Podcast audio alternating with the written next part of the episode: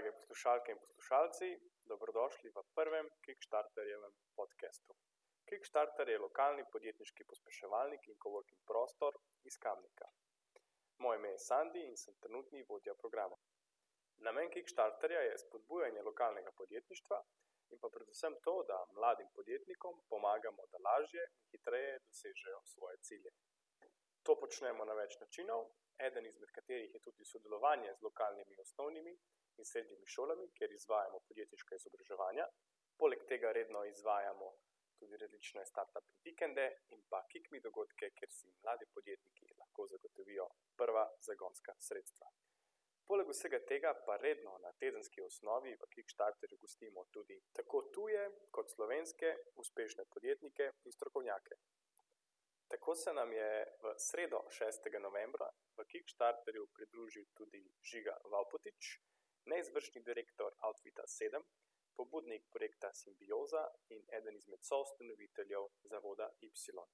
Ker je bilo zanimanje za deležbo na dogodku res veliko in smo praktično napolnili našo dvorano v Kickstarterju, se nam je porodila ideja, da bi mogoče bilo smiselno žigatov nastop oziroma okroglo mizo tudi posneti. In tako je nastala sama ideja o Kickstarterjevem podkastu, saj praktično vsak teden gostimo zelo uspešne ljudi, ki veliko krat širšo publiko delijo zelo uporabne nasvete. Vsi tisti, ki nameravate redno spremljati našo vsebino, pa lahko pričakujete redno objavo podobnih in kvalitetnih podjetniških vsebin, kakor sledi. Sam pogovor je z žigatom v sredo trajal približno uro in pol, ker je pa žiga izredno mrljiv človek in ker ni želel, da bi si ljudje mogoče napačno interpretirali njegove besede, nas je prosil, da ta njegov posnetek pogovora uh, zožamo le na highlights. Uh, to smo seveda storili in uh, si boste lahko tudi poslušali.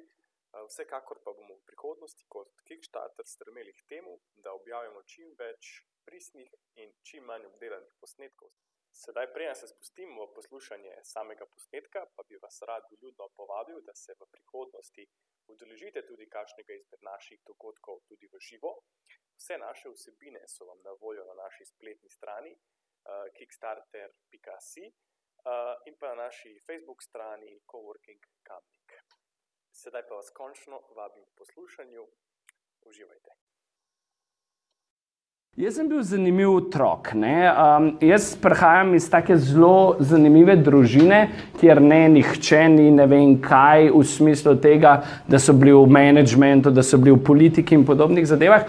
Moj oče je arhitekt, moja mama je tekstilna oblikovalka in moja sestra je um, arhitektka, tako da sem črnovca te družine jaz. Uh, naše debate so vedno zanimive, ker razlagajo, zakaj hiše s kockami ne smejo imeti nadstreškov, jaz se pa borim tudi tam za učinkovitost učinkovitost in pravim, ne more človeku na glavo kapljati. Um, in vedno sem vedel, kaj bom v življenju. In sicer, ko ste me vprašali, kot sedem let starega otroka, kot deset let starega otroka, kot petnajst let starega najstnika, kot osemnajst let starega najstnika, sem rekel, da bom odvetnik. Blazno me je vedno fasciniralo kot otroka, met, ne, ne imeti prav, pa, pa bogato urno tarifo, tistega nisem še razumel takrat. Um, Danes, ko moram kdaj kakšne pravnike plačevati, to, to, to sicer bolj razumem. Um, ampak gre bolj za ta, ta želja po pravičnosti, ta, ta želja po tem, da se je vredno v svetu boriti. Um, imel sem veliko srečo, da je bila UNESCO-va šola ledina osnovna šola. Ko do pred 13 letih sem bil na japonskem prvič sam in v bistvu zelo hiter potem spoznaval svet, spoznaval bogatstvo v različnosti. Um, imel sem pa srečo, ker starša, ki bi mi lahko, recimo, ko sem še danes se spomnim, predstavljajte si zgodbo, mulj je star 14 let in dobi povabilo na svetovni kongres mladih super, zvenijo, vsi podpirajo, samo lokacija je problem. Zaradi tega, ker je to na Havajih. Um, in zdaj si lahko predstavljate, kako to izgleda, ko jaz doma rečem: hej, mami, oči, jaz bi šel pri svojih 14, pa na svetovni kongres mladih na Havaje. In jaz mislim, da ste naredili eno blazno dobro potezo, za katera sem jim še zdaj hvaležen. Sta pa starša tako zelo karakterno različna um, in, in, in, in vedno sem od njiju in to priznava tudi ona, to ni samo hvala poberu dobre stvari, ne? od mame optimizem, od očeta organiziranost, od očeta točnost, od mame ve, vedeti, da se vse da. Skratka, tako zelo, zelo zanimiva, zanimiva sta karakterno. Ampak takrat sta bila pa zelo združena v tem, da sta rekla, mulcu ne bova plačala tega. Verjetno bi mi lahko, ampak ste rekli, veš kaj, bova par telefonov obrnila, ampak zrihti si sam. In jaz sem se spravil pisati uh, sponzorske prošnje, jaz sem se spravil pisati vse te zadeve in jaz sem tudi odšel na Havaje. Tako da um, verjetno je ta vzgib neke spodbude, pravičnosti in vsega me, me, me stalno oblikoval in ta, ta, ta želja po spoznavanju sveta, po odkrivanju, zakaj ljudje delujemo, kot delujemo. In to je verjetno tisto, kar me je uh, v, v mladosti fasciniralo. Doktorat je zanimiva zgodba, zato ker sem ga opisal ravno, ko sem postal na outfitu Chief Revenue Officer. In sem samo to minizo se zmenil, da bi me pa še doktorat zanimali in one dva sta to zelo spodbujala. Ampak hudič je bil, da sta čez dva meseca mi povedala, da, firmo, uh, da bomo firmo prodajali. Um, in po prodaji, pol leta, ko smo firmo prodali, sem jaz um, postal chairman Outfit Semena, se pravi predsednik upravnega odbora. V najslabšem času in potem sem se šel z Izo pogovarjati, da bi zdaj pa morda ne bi bilo pametno doktorata upisati. V samo tu pa Izi lahko veliko lepega povem, absolutno sta zahtevna šefa bila, ampak najprej sta bila vedno zahtevna do sebe, pa sta bila pa zahtevna tudi do nas in to se kaže v Izinem odgovoru. Rekla, ni šans. Je rekel, ti boš v poje naredil, ti boš te po doktoratu pisal, pa ga delo, hkrati boš pa tudi predsednik upravnega odbora in bo vse šlo super. To, da sem bil predsednik upravnega odbora, pa je šlo super, je res. Ta moj doktorat je bila pa spet ena posebna zgodba. Zdaj, um, jaz, jaz močno verjamem tisto slovensko kar se Janezek nauči, to Janezek zna. Zdaj, če hočete tisti iz kamnika, kar se Marjan nauči, pa ali Marjan zna, a, zato da ne boste jutri e, neke teorije probali splesti o Janezih. Um, ampak um, jaz verjamem in, in vedno spodbujam tudi svoje mlajše uh, kolege, na outfitu, predvsem računalničari so znani po tem, ne, da dobijo zelo hiter priložnost, da delajo. Ne, in pol jim ostane ta dva izpita, pa nikoli ne končajo diplome. Ne.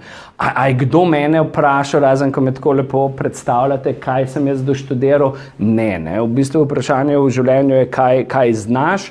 Um, ampak, a se mi zdi pomembno, da končajo diplomo? Absolutno. In težim tako, kot meni moj oče, um, ker, ker pravim, to kaže na nek način neko disciplino. Ne. Spet smo se pišli o tem, da se je treba bilo preveč na pamet učiti. Uh, mi svoje možgane sicer res do enega 25 let razvijamo, ne? ampak AFAX pa ni več tisti, da te bo nekdo zajebal, da se moraš na pamet učiti generalne sekretarje Združenih narodov od zadnjega nazaj, naprej ne? ali nazaj. Skratka, Um, in, in tako sem kritičen do, do, do šolskega sistema. Ne? Jaz mislim, da je prav in ne pravam, nič ni treba memorirati, zaradi tega, ker ko memoriramo, razvijamo možgane, ampak je tega absolutno preveč. Premalo spodbujamo pa kreativnost, premalo pa spodbujamo umetnost, premalo pa spodbujamo neke druge poglede in to dela ne samo slovenski izobraževalni sistem, ki ga na nek način še vedno hvalijo in je v primerjavi z vsemi ok, ampak to dela generalno cel izobraževalni sistem. Moja prva ideja je bila absolutno briljantna. Ne? Jaz še danes trdim, da bi z nje mogel ratati Facebook, če ne že Google. Ne? Um, in sicer um, moja ideja je bila, da bi prek SMS-ov ljudi uh, izobraževali. Univerza za življenje je bila ta projekt. Um, in sicer sem probil nabrati en kup zanimivih slovenskih avtorjev in sem rekel, pa bomo pa poslali SMS. To je bil začetek, um, začetek v bistvu tistega obdobja se pravi, nekje isto smo začeli z Markom Zuckerbergom. Um, uh, in jaz, jaz sem na nek način hotel pušiti to tako na internet in da tam na internetu vi na SMS dobite, dobite uh, message, ga odprete in se vam en članek uh, odpre. Ne? In seveda, oni, ki so mi to razvili, so dobro zaslužili, um, nekako se zadeva ni prijela, ampak da je to eno pomembno sporočilo, ne? da, da ni za obupati, da so napake del vsako, da, vsa, vsakega uspeha. Ne? Spet, če z lužo skočimo, to malo bolj razumejo, um, tam imaš šanse, da postaneš predsednik države, kot vidite. Um, dočim, dočim, uh, mene je pa to učil pač nekih, nekih zadev. Um, morda je bilo to, jaz se včasih pohecam, ne, to, da sem starato predsednik uh, uprave Outfit Sevna, je popolnoma uh, nenormalna zgodba in če bi nekdo sedem let nazaj rekel, da bom to postal, bi se smejal. Ampak morda sem pa tam videl, što nikoli nisem razmišljal, um, zasado to seme uh, IT in tehnologije. Da to je bila, to je bila moja prva zadeva, malo bolj uspešna zgodba, ali pa, po mojem, še vedno uspešna zgodba, je bila pa potem moja srečna knjiga. Um, ker sem jo tudi pelil, Saša tam le sedi, ki je veliko zraven pomagala. Um, tam, jaz sem bil pa en tak malo otrok, ki sem si vse vedno pisal. In jaz sem imel en kup enih listkov, pa kaj moram videti, pa kje, ne vem, če sem takrat to imam zdaj, kje moram jesti v kakšni restauraciji.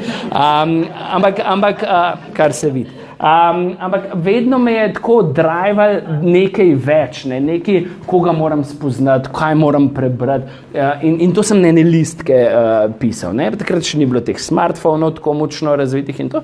Pa sem pa rekel, da imamo tu en sistem.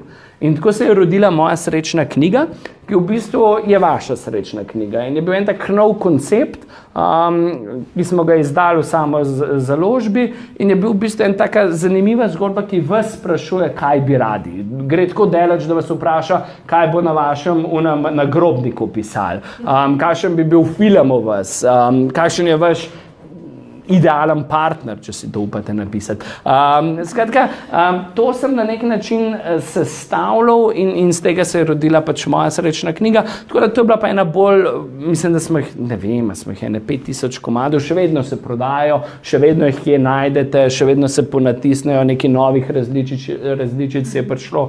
Um, tako, da, tako da ti si bila pa ena malo bolj uspešna zgodba moje te kariernih začetkov. Jaz mislim, da mladi nič ne delajo na robe. Zaradi tega, ker si mlad, je prav, da delaš stvari na robe. In, in mislim, da je najhuj to, da, da, da začenja ta družba na mlade preveč pritiskati, da, da v njih preveč pričakuje, da moraš čez noč uspeti. Uspeh ni stvar, ki pride čez noč. Uspeh je stvar, ki se lahko ali pa ne zgodi. Vse konc koncev se te moje zgodbe imajo tudi kanček vedno sreče, imajo veliko trdega dela, ampak malo se pa kdaj tudi zvezde na nek način prav, prav postavijo. Um, jaz mislim, da, da, si, da predvsem, kar mladi delajo na robe, je, če si ne upajo. Jaz jih vedno spodbujam, pa dejte probat. Ne? Sej kaj vas pa stane? Mama pa oče vam bosta še vedno dala kruh pa mlek, ne? um, sobo boš upal še vedno imel, um, kakšen dedek pa babica znate tistih 500 evrov za začetek dati in pa se iz tega probaš nekaj naučiti. Ne? In jaz mislim, da je najhuj, da mlade um, probamo siliti v neka povprečja in da probamo jim ne dovolj, da delajo stvari, ki bi jih radi delali. Um, mi smo velika prijatelja z Deno Zohar. Dena Zohar je ustanovila oziroma naredila duhovno inteligenco, ukvarja se z obresojanjem kvantnega menedžmenta in veliko govori o tem, da se premaj sprašujemo, zakaj. Um, in jaz mislim, da sistem, ki ga ima za šolami, že vzgojo in to zelo dobro ukalupla vse nas. Um, vse boste videli, jaz malo sem sam svoj in tako upam, da bom večno ostal in si tega ne pustim vzeti. Sej marsikdo pravi, kdaj uh, pa a ti je to res treba, a, a, a ne bi šel po kakšni lažji poti. Pa, pa se mi zdi, da je prav, da držite to kdo ste in kar ste. Ne? In jaz mislim, da je to ključ pri mladih. Ne? Tam do 25 let lahko narediš, boga, mili nekih napak, a, a, probaš stvari, si upaj zadeve postaviti. Tako da jaz bi rekel, da je to največja napaka, da, da, da je ta povprečje nekaj, kar nas prehiter zadovolji. Tudi do moje Slovenije, se pravi, ne vem, kaj me čaka v vprašanjih, tako da probujem ne, ne prehitro zaideti v kakšne teme, ki so mi še blizu. Ampak gojim, gojim do Slovenije en tak velik lov, pa majhen hate relationship. Um, in tisto, kar mislim, da nam generalno manjka, se pravi, ne manjka um, uh, samo, samo pospeševalnikom, ampak manjka družbi kot, kot celoti, je en ta večji globalen pogled. Je eno, eno zavedanje, da se je od tu da narediti slavnega mačka, ki ga nekoč za milijardo prodate. Um, zdaj so se pa sicer na Cipr preselili in vse, ampak še vedno začeli so s to pametjo Slovenci tu, ki so bili tu iz izobraženi in vse. Um, ta, ta, ta prepih nam manjka, um, mi, mi ne pustimo drugačnosti, ne? mi bi radi vse na nek način ukalupali, mi, mi, mi se ne učimo od drugačnih, mi, mi si ne želimo imeti drugačnih za sosede. In, in jaz mislim, da, da, da ta ta duh ene širine, to, da bi prišlo več ljudi, ne? da bi moj prijatelj Mark Zuckerberg, ki so istočasno začela, prišel tudi v Slovenijo, um, da, da, da bi več takih ljudi gostili. In če me sprašuješ, kaj je moj nasvet mladim, ne? ta prva stvar, ki jo moram povedati, je, da pred desetimi leti sem mislil, da vem mnogo več, kot vem danes. To se pa s časom naučiš, malo skromnosti in ugotoviš, koliko malo dejansko veš. Ampak predvsem potujte, predvsem se izobražujte in, in, in v to vlagajte stvari. Jaz mislim, da je ena ključnih zadev um, ali pa pravih stvari, ki jih še danes jaz delam. Um, to vam bo tudi Petra povedala, da za tri stvari mi nikoli ni težko dati denarja. Za potovanje, za izobraževanje, pa za dobro hrano. Da, um, to, se zdi, to se mi zdi, da je en tak pomemben element. Ne? Pa, pa ne iskati izgovora, veš, ja, a je, a je pospeševalnik fajn imeti super, če ga nimaš, ne moreš uspeti, ne, le koliko ljudi je uspel. Vedno potujem in zadnje čase malo več zelo privatno potujem. Um, je pa res, da v obdobju, ko sem bil predsednik upravnega odbora, um, sem mogel potovati precej službeno in sem želel, pač, glede na to, kako globalna firma smo bili, sem si želel na nek način um, odpirati trge, biti z ljudmi. Vi morate vedeti, da ko pridemo v Indijo in ko pokažem vizitko, vsi Indijci navdušeno se hočejo z nami slikati, ker je Talking Tom tako velika zgodba tam. Um, v Ameriko je bilo treba večkrat, na Kitajsko je bilo treba večkrat. Zdaj, to zgleda na Facebooku idealno življenje, pa je to daleč od tega. Ne? En februar se spomnim, sem spal v 18 različnih poslah. Tako da verjamete, da, da, mi, da mi hrbet ni nikoli najbolj hvaležen. Naredil sem recimo turo ko sem v 16 dneh uh, bil v 13 mestih, v 9 državah na treh kontinentih. Ne. Iz Indije v Ameriko, iz Amerike uh, v Turčijo, uh, v, mislim, da do Hrvaške in potem spet nazaj na Kitajsko in tako naprej. Te zadeve so stresne, zaradi tega, ker uh, absolutno ne vidite prav veliko stvari, menjate časovne uh, zadeve, ne spite dovolj um, in, in, in terjajo um, že tako fizično en, en velik napor, poleg tega moraš pa delati. Ne. Jaz se še danes spomnim ekipe uh, Katarjevega letala, ki smo prišli, mi smo imeli uh, potem dva dni orang sestankov, um, sem prišel nazaj, posadka je bila ista ne, in, in so rekli, oh, you again. Ne, rekel, ja, um, meni se dogaja, da na Katarju srečujem iste stevardese, um, ki sem jih že kdaj srečal, tako, um, kar, kar, kar pomeni, da, da, da je to nek, nek štrapac. Ampak vzameš to kot del, del posla, um, pravim, če ti je svet blizu in če ti je ta izkušnja uh, sveta zanimiva, um, je to nekaj, kar lahko delaš, ne moš pa to delati dolgoročno. Jaz sem imel po dveh letih, se pravim, tega, tega dost. Ne, običajnega dne ni in je to v bistvu izziv, s katerim se zadnje čase kar nekaj ukvarjam, ker si ne morem nekih navad pri vzgoji. Moram reči, da nisem dovolj discipliniran, da bi vsaki posli, ki ostanem pol tam telovado v enem hotelu, drugem iskal prostor in to nisem. Nisem discipliniran, da kamorkoli preletim, dam gor superge in pol ure laufam, kjerkoli sem. Nisem. Jaz vse ne živim v nekem stresu. Prvo kot prvo, tisto, kar mislim, povem, um, se keram se prav veliko ne, uh, zato ker tisto, kar moram narediti, naredim. Če naredim napako, jo priznam in mi ni problema. In, in probam tako, zdi se mi, da če zvečer ne bi mogel mirno zaspati, bi začel resno razmišljati o tem, um, a, a to, kar delam, delam, da je ok, da delam. Ker se mi zdi, da, da, da, da tisti, da mirno človek spi, da ima do, čisto vest, to se mi zdi, da je ene take ključni parametri v tem um, ker kdo o stresu govori. Uh, jaz mislim, da stresa ne povzroča tako močno velik dela, ampak da stres povzročajo predvsem odnosi in predvsem nekaj notranje, nekaj, kar te žre.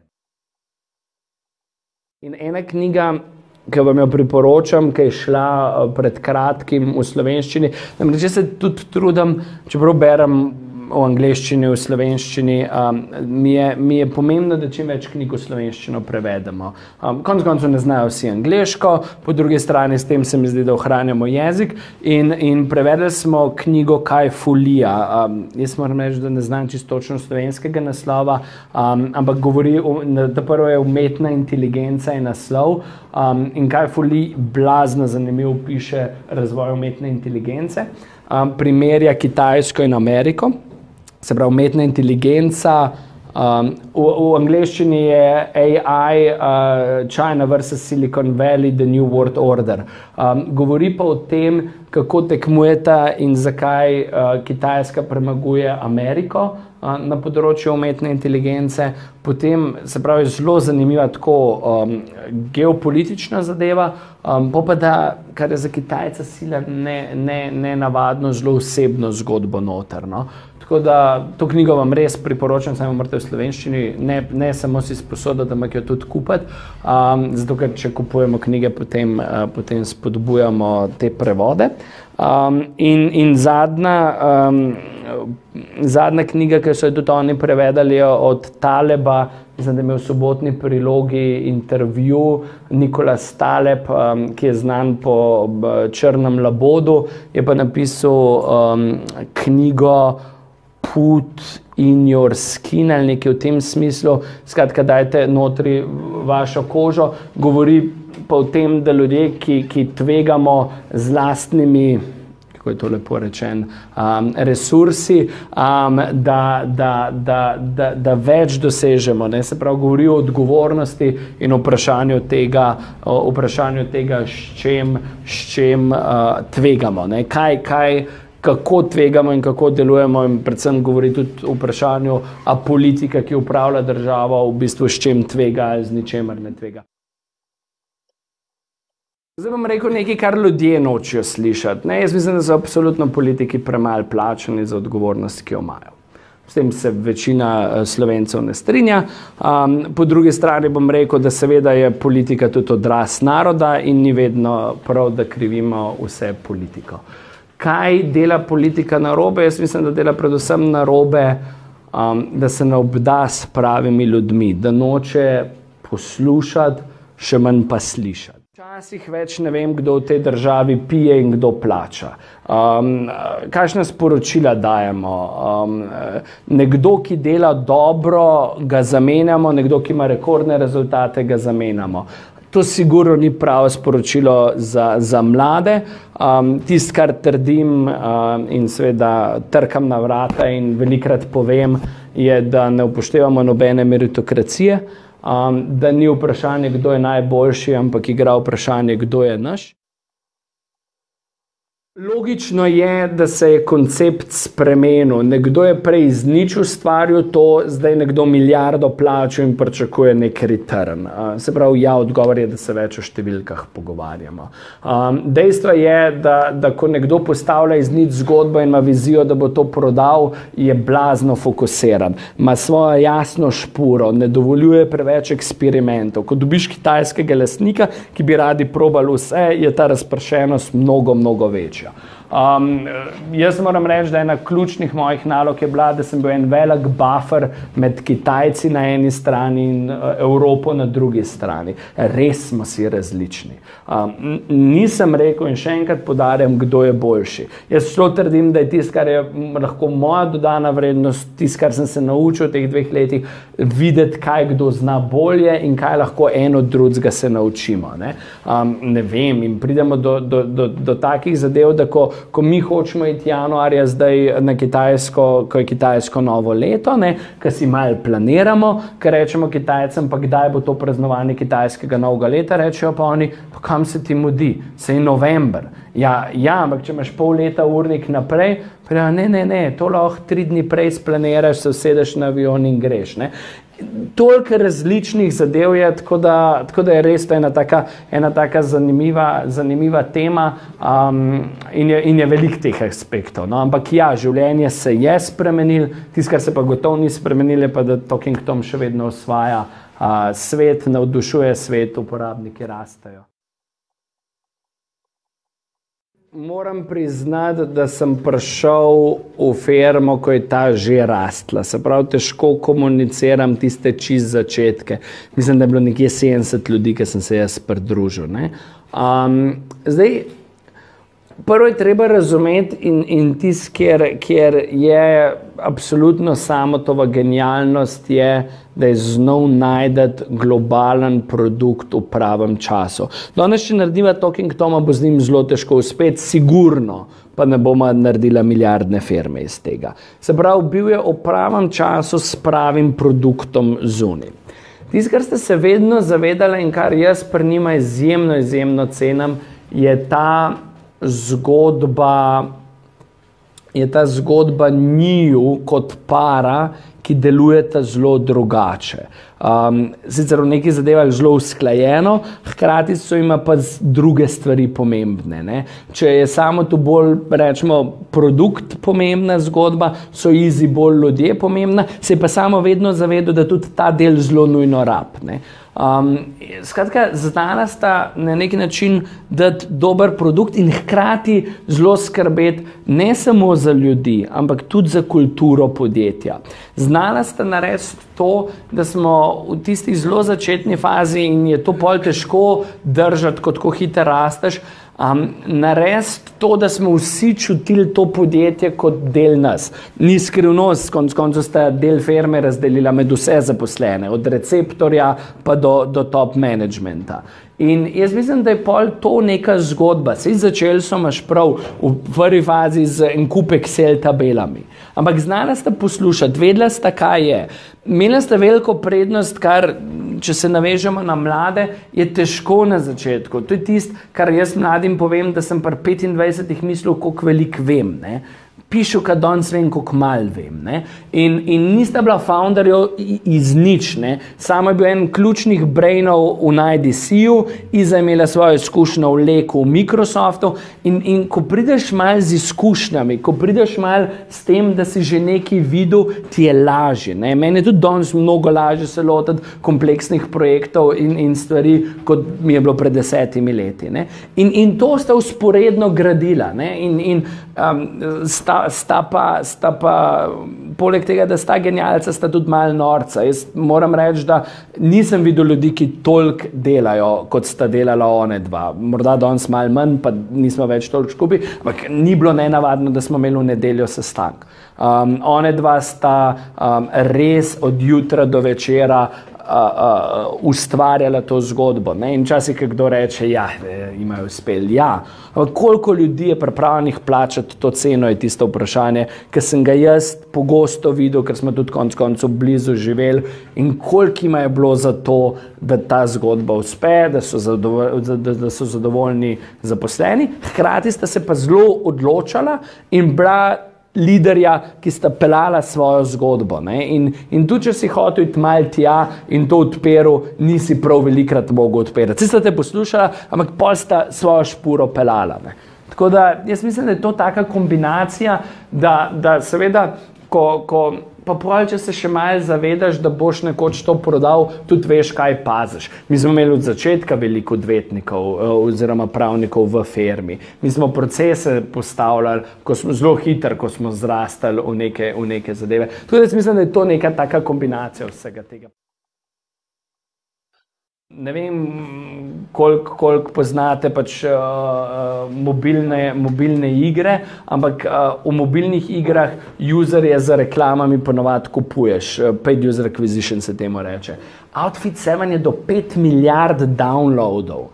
Brez tega rasto. Se pravi, res ste naredili produkt, ki je bil izjemno organsko rast. Imel, To, to je genialno. Ne? Eh, eh, naša dobičkonosnost je bila 80%, mi ustvarjamo še danes dodano vrednost na zaposlenega, po mojem, čez 300 tisoč evrov. Tako da, ko se v Sloveniji pogovarjamo o teh zadevah in številkah, ne, imam kaj zapovedati, ker smo to videli, ker smo to rastali in ker smo to obdržali.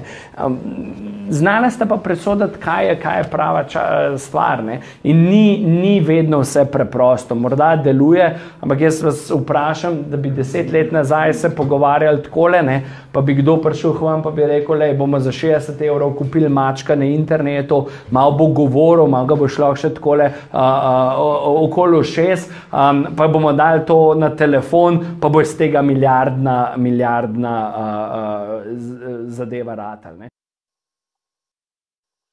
Kadarkoli boste prišli k Kitajcem, vedno pijejo toplo vodo. Tisto, kar mene učijo, je to, da znajo držati skupaj.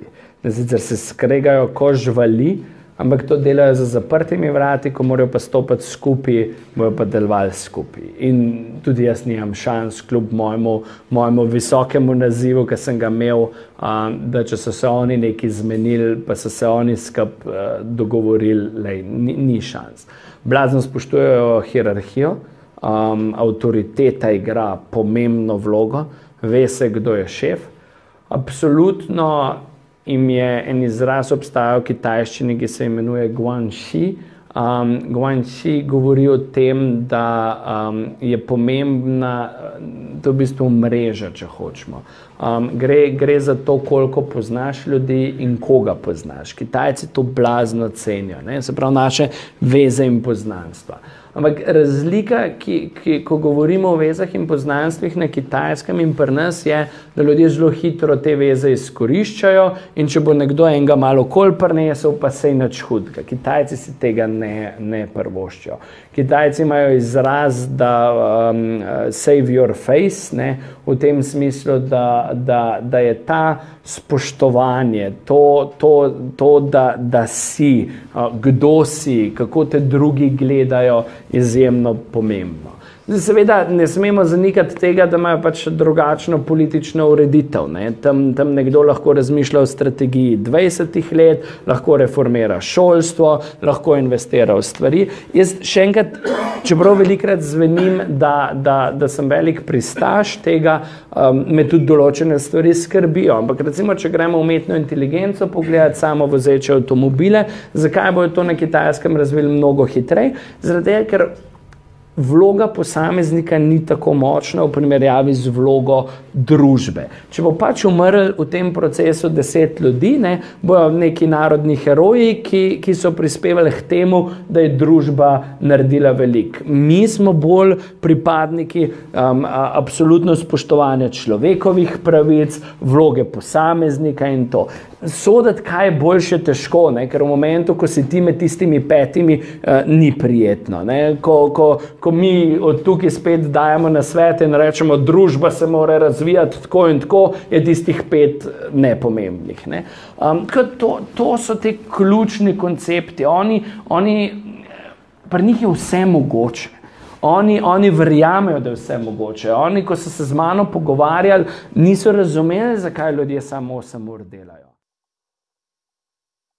Kitajce smo imeli in so v nekem momentu zelo kopirali stvari. Um, in, in on razlaga, zakaj. Da se, se niso mogli drugače učiti. Ne? Oni so se dejansko na ta način učili. Danes ni več bitka med Ameriko in Kitajsko, to, kar Trump misli. Ne? Danes je bitka noter s Kitajci med sabo. Ne? Velike firme na Kitajskem tekmujejo živalsko za talente, za, za profit, za uspeh, za spoštovanje predsednika in vse te zadeve. Ne? Drage poslušalke in poslušalci, to je bilo to. Zahvaljujem se za vaše poslušanje. Uh, vsekakor bi vas prosil, glede na to, da so naše vsebine uh, brezplačne in da lahko podobne podjetniške vsebine pričakujete tudi v prihodnje, uh, da nas priporočite svojim prijateljem, za katere veste, da bi bili hvaležni za, za tako informacijo, pa da nas seveda tudi všečkate, pa kakšen komentar napišete. Hvala.